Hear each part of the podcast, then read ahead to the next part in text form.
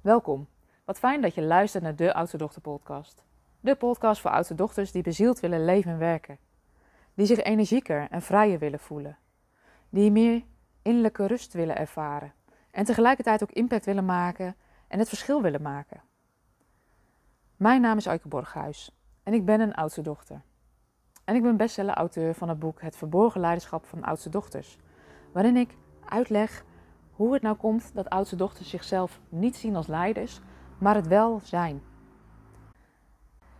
En in ons bedrijf werken we met oudste dochters die ja, merken dat ze vanuit een groot verantwoordelijkheidsgevoel te hard werken, die voelen dat ze het anders willen en tegelijkertijd niet zo goed weten wat dat dan is.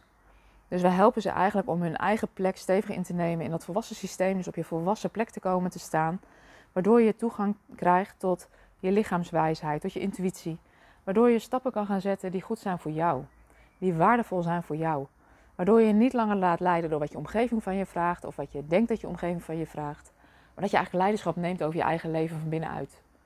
En dat kan klein en dat kan groot. Dat begint met je eigen leven. Ehm, en als dat steeds beter gaat, dan kun je ook merken dat je die maatschappelijke impact in die buitenwereld ook kan maken. Dus ben je een oudste dochter en mocht je herkennen, blijf dan lekker luisteren naar deze aflevering. En in deze aflevering wil ik het graag met je hebben over dat als jij goed voor jezelf zorgt, dan heb je meer te geven aan de wereld om je heen. Oudste dochters zijn harde werkers. Vanuit hun grote verantwoordelijkheidsgevoel zijn ze gericht op het versterken van hun directe omgeving en de samenleving als geheel. Het is niet voor niets dat ze vaak leidinggevende posities vervullen. En dat kunnen ze ook goed. Een valkuil daarvan is dat oudste dochters gewend zijn om vooral te geven en niet of minder geleerd hebben dat je ook mag ontvangen. Wat daarbij vaak niet helpend is, is dat oudste dochters uitstralen dat ze alles onder controle hebben en dat ze het alleen wel oplossen, waardoor ze ook niet zo vaak hulp aangeboden krijgen. En dat kan best alleen voelen. En wat oudste dochters gewend zijn om te doen, is op wilskracht en doorzettingsvermogen je schouders eronder te zetten.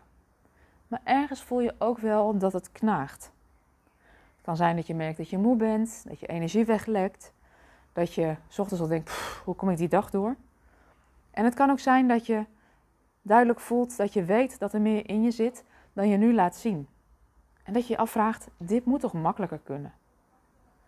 Het kan zijn dat je al een tijdje vastzit op deze plek. Dat je op een plateau zit. Dat je blijft doen wat je doet. Dat je laat leiden door de waan van de dag. En dat je niet zo goed weet hoe je dit patroon kan doorbreken. Je wilt die volgende stap wel zetten, maar je weet niet zo goed wat die volgende stap is en hoe, dat, uh, hoe je dat zou kunnen doen. En wat er vaak gebeurt is dat oudste dochters daar heel lang in hun hoofd uh, daarover hebben zitten malen. Dat ze in een visuele cirkel ronddraaien waar je niet uit lijkt te kunnen komen. Weet dat je niet de enige bent. Want hoe zou het voor je zijn om het komende jaar wel concrete stappen te gaan zetten? Om tijd en ruimte voor jezelf te creëren, om weer te ontdekken waar jouw hart sneller van gaat kloppen. En daar niet alleen over na te denken, maar daar ook stappen in te gaan zetten. Dat je je vrijer voelt, meer energie hebt, maar tegelijkertijd ook het verschil kan maken. En dat doe je niet door harder te werken, maar door slimmer te werken. Hoe zou het voor jezelf zijn om nu al tijd en ruimte te regelen dat je daar de komende tijd mee aan de slag gaat? En wat ik denk wat fijn voor je is, is om deze zomerperiode is te mijmeren over als alles mogelijk zou zijn, tijd, geld, energie is geen bezwaar. Wat zou je dan eigenlijk willen? En als je hier eens over nagedacht hebt en misschien eens daarover hebt geschreven of misschien een moodboard hebt gemaakt, um, om in stil te staan en wat zou er nog meer mogelijk zijn? Want een van de dingen die ik bij oudste dochters ook wel vaak zie, is dat groot dromen dat dat best ingewikkeld kan zijn of niet altijd even makkelijk. Onze innerlijke rechter komt daar vaak tussendoor, die zegt ja, ja, je kunt het wel willen, maar het is niet haalbaar. Um, en het is belangrijk dat je die innerlijke stem nog even op de achterbank zet en gewoon vrij uit droomt.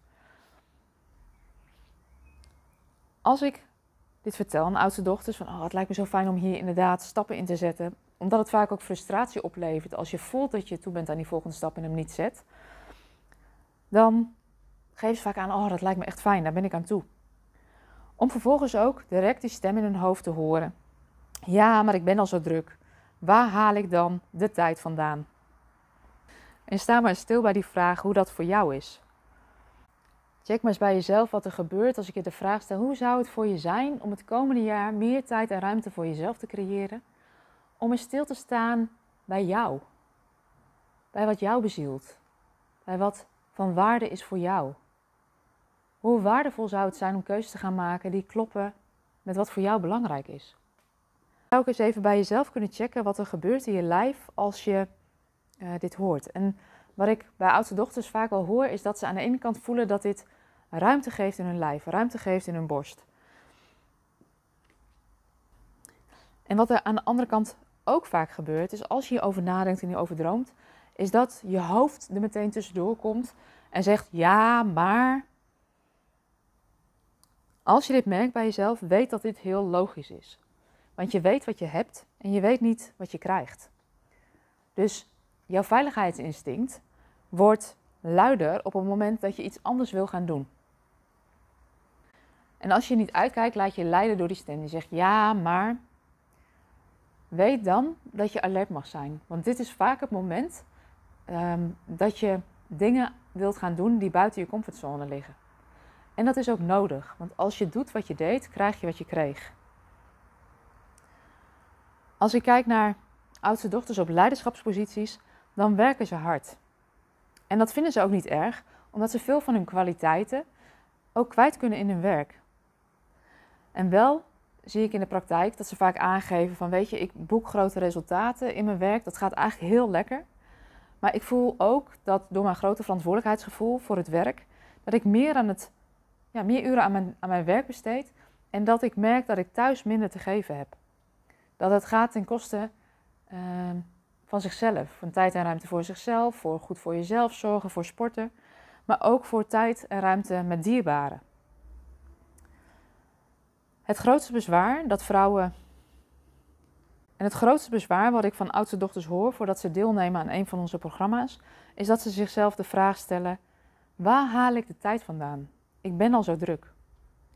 En dat herken ik zelf ook, want ik ben zelf afgelopen jaar ook weer deelnemer geweest aan een uh, premium coach traject. En dat vraagt ook best commitment. En dat commitment maken kan best lastig voelen als je voor je gevoel al zo druk bent, want dat voelt als iets wat er ook nog bij komt. Aan de andere kant, als je het commitment niet maakt, dan ga je de stappen niet zetten. Want door zo'n commitment te maken, zeg je ook ja tegen jezelf. En dat is ook het commitment wat ik vraag van de oudste dochters op topposities, met wie ik een jaar lang optrek in de jaargroep Bezield Leiderschap vanuit systemisch perspectief. Ja zeggen tegen jezelf, ja zeggen tegen zo'n programma, is waardevol, omdat je nu aan de voorkant al organiseert dat het een jaar lang een dag in de maand mag gaan om jou. Dat je nu al voor jezelf regelt dat je een dag in de maand de tijd hebt om afstand te nemen van de waan van de dag en stil te staan bij wat voor jou van waarde is. En het bijzondere wat ik de afgelopen jaren bij die deelnemers heb ontdekt en ook weet uit eigen ervaring, is dat de belemmering aan de voorkant dat het veel tijd kost, al heel snel omslaat in: oh, ja zeggen tegen dit programma of tegen dit jaar geeft eigenlijk tijd, geeft eigenlijk ruimte.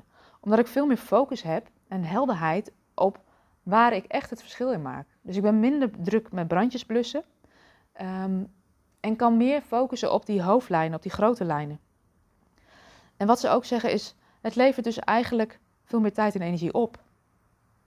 En als ik kijk naar de premium groep die ik zelf ga starten in het najaar, dat is een groep met echt topleiders uh, dus ervaren leiders, ervaren ondernemers, dan zorg ik er ook voor dat die groep klein is en gelijkgestemd. Zodat je vaker een half woord al genoeg hebt. Tijdens die dagen is er altijd ruimte om je eigen thema's en je eigen vragen in te brengen. Die mogen gaan over alle levensgebieden. En wat ik doe, is ik leer je systemisch kijken en werken met die onderstroom. Je hoeft het een jaar lang niet alleen te doen en dat is zo waardevol. Als ik kijk naar de vrouwen die de afgelopen jaren hebben deelgenomen aan de jaargroep, dan voelden ze eigenlijk allemaal wel een verlangen voor een vervolgstap in hun carrière of een groei in hun bedrijf. Maar dat ze nog niet precies helder hadden wat die verandering moest zijn. En doordat niet precies helder was hoe die stap eruit moest zien, schoven ze stappen zetten daarin steeds voor zich uit. De afgelopen jaren heb ik gemerkt dat in die jaargroepen die ruimte voor die thema's en die vragen wel ontstond. En dat er wat ik heb gezien is dat deze vrouwen veel meer stevigheid hebben gekregen in wie ze zijn als mens en als leider. En plekken aan het innemen zijn, concrete stappen aan het zetten zijn. Er zijn banen opgezegd. Er zijn nieuwe functies aanvaard die beter pasten. Er zijn bedrijven opgericht. Er zijn onverwachte samenwerkingen ontstaan. Mensen hebben elkaars netwerk ingezet om elkaar verder te helpen. En het kriebelende verlangen naar een vervolgstap heeft voor deze deelnemers in de afgelopen jaren ruimte gemaakt voor een ontdekkingsreis met concreet resultaat. Deelnemen aan zo'n jaargroep levert dus veel meer op dan een dag reflectie en uitzoomtijd. Je komt terecht in een warm netwerk met gelijkgestemde vrouwen. Je leert systemisch kijken en werken. Ik leg je in de watten. Je hoeft een dag niet voor anderen te zorgen, maar ik zorg voor jou. En je gaat aan de slag met het verlangen dat nu nog in je sluimert en wat je tot nu toe steeds parkeerde. Doordat ook andere vrouwen deze ontdekkingsreis aan het maken zijn, blijf je bewust bezig met wat je leert. En het dagelijks leven is het huiswerk. Je voelt je gesteund en blijft stappen zetten. En tegelijkertijd merk ik ook dat je groeit in je leiderschap, dat je groeit in je ondernemersvaardigheden. En doordat ik een jaar naast je meeloop, zie ik ook dat, ehm, dat je gewoon ook makkelijke en concrete stappen blijft zetten. Dus je blijft niet eindeloos ronddraaien in je eigen gedachtenpatronen, in je eigen kringetjes. Maar soms door samen even te sparren, heb je je volgende stap weer helder en kun je weer door. Dus als jouw eerste reactie nu ook was, daar heb ik helemaal geen tijd voor, dan weet je nu dat de jaargroep je op korte termijn tijd en energie kost, maar dat het je op korte termijn ook al meer energie en nieuwe stappen op gaat leveren. Voel je nou dat je ook toe bent aan die volgende stap en wil je daarover in gesprek met mij, dan kun je een gesprek met me aanvragen.